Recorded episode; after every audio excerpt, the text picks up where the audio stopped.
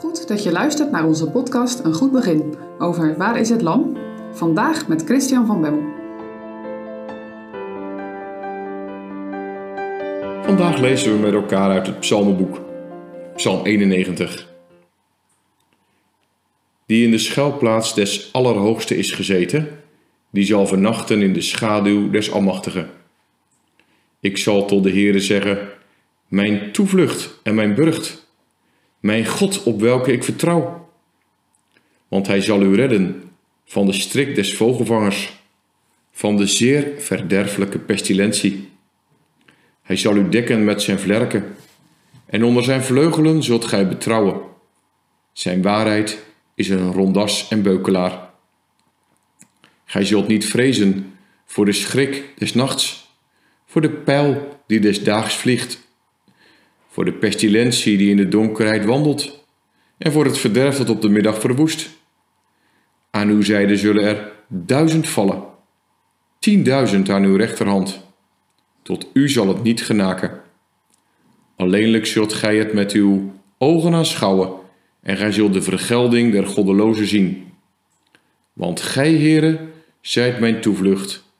De Allerhoogste hebt gij gesteld tot uw vertrek. U zal geen kwaad wedervaren, geen plaag zal uw tent naderen. Want hij zal zijn engelen van u bevelen, dat zij u bewaren op in al uw wegen. Zij zullen u op de handen dragen, opdat gij uw voet aan geen steen stoot. Op de felle leeuw en de adder zult gij treden. Gij zult de jonge leeuw en de draak vertreden. Terwijl hij mij zeer bemint, spreekt God, zo zal ik hem uithelpen. Ik zal hem op een hoogte stellen, want hij kent mijn naam. Hij zal mij aanroepen en ik zal hem verhoren. In de benauwdheid zal ik bij hem zijn. Ik zal er hem uittrekken en zal hem verheerlijken. Ik zal hem met langheid der dagen verzadigen. En ik zal hem mijn heil doen zien. Het thema van deze laatste uitzending van deze week is schuilen. Eerder hebben we deze week een deel van Exodus 12 doorgenomen en gehoord wat de Heerde wilde. En dat er gebeurde wat de Heere had aangekondigd. Hij maakt zijn woord waar. Altijd, overal. En we hoorden dat er een tweedeling kwam, een onderscheid in Egypte. Huizen met een intens verdriet. Een oudste zoon, hij kon drie jaar zijn, of 16 of 25. Hij stierf als er geen bloed aan de posten zat. Het gaf in heel Egypte een schok. Nog nooit had iemand ervan gehoord dat dit ergens in de wereld ergens in de geschiedenis was gebeurd. Schokkend. En aan de andere kant, ja, je weet het, daar waar er bloed te zien was, was er leven en blijdschap. De Heere redt. Wat is nu eigenlijk het verschil tussen die mensen? Mag ik het eenvoudig samenvatten? De een had een schuilplaats en de ander niet een schuilplaats. Misschien denk je aan een hut in de bergen, waar je kunt schuilen als er plotseling een onheilspellend onweer opkomt. Je bent te veilig.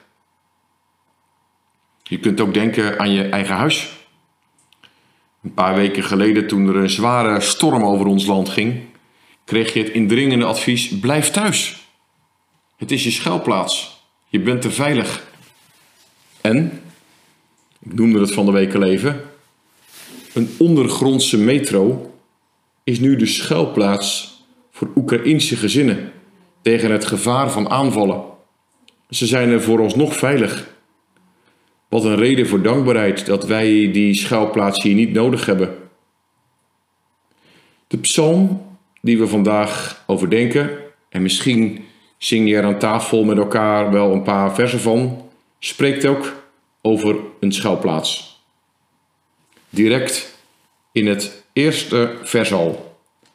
Die in de schuilplaats van de Allerhoogste is gezeten, die zal vernachten in de schaduwen van de Almachtige.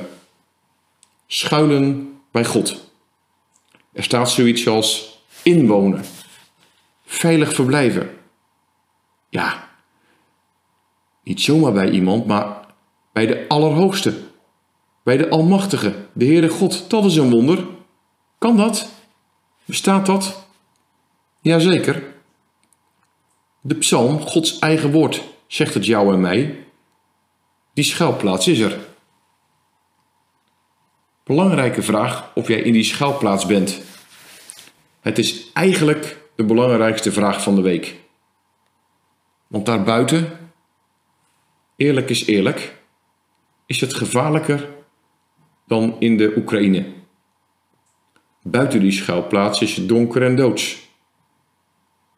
Buiten die schuilplaats is God de verterend vuur. Je kent het beeld wel. Eerst een grote stapel hout en na een uurtje of wat vuur, er blijft niets van over. Zo erg is het buiten die schuilplaats. En zo goed is het daarin.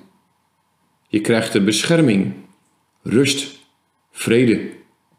Je mag er terwijl de zon haar hitte geeft, schuilen in de schaduw van de Almachtige. Hij heeft die schuilplaats gemaakt en betaald.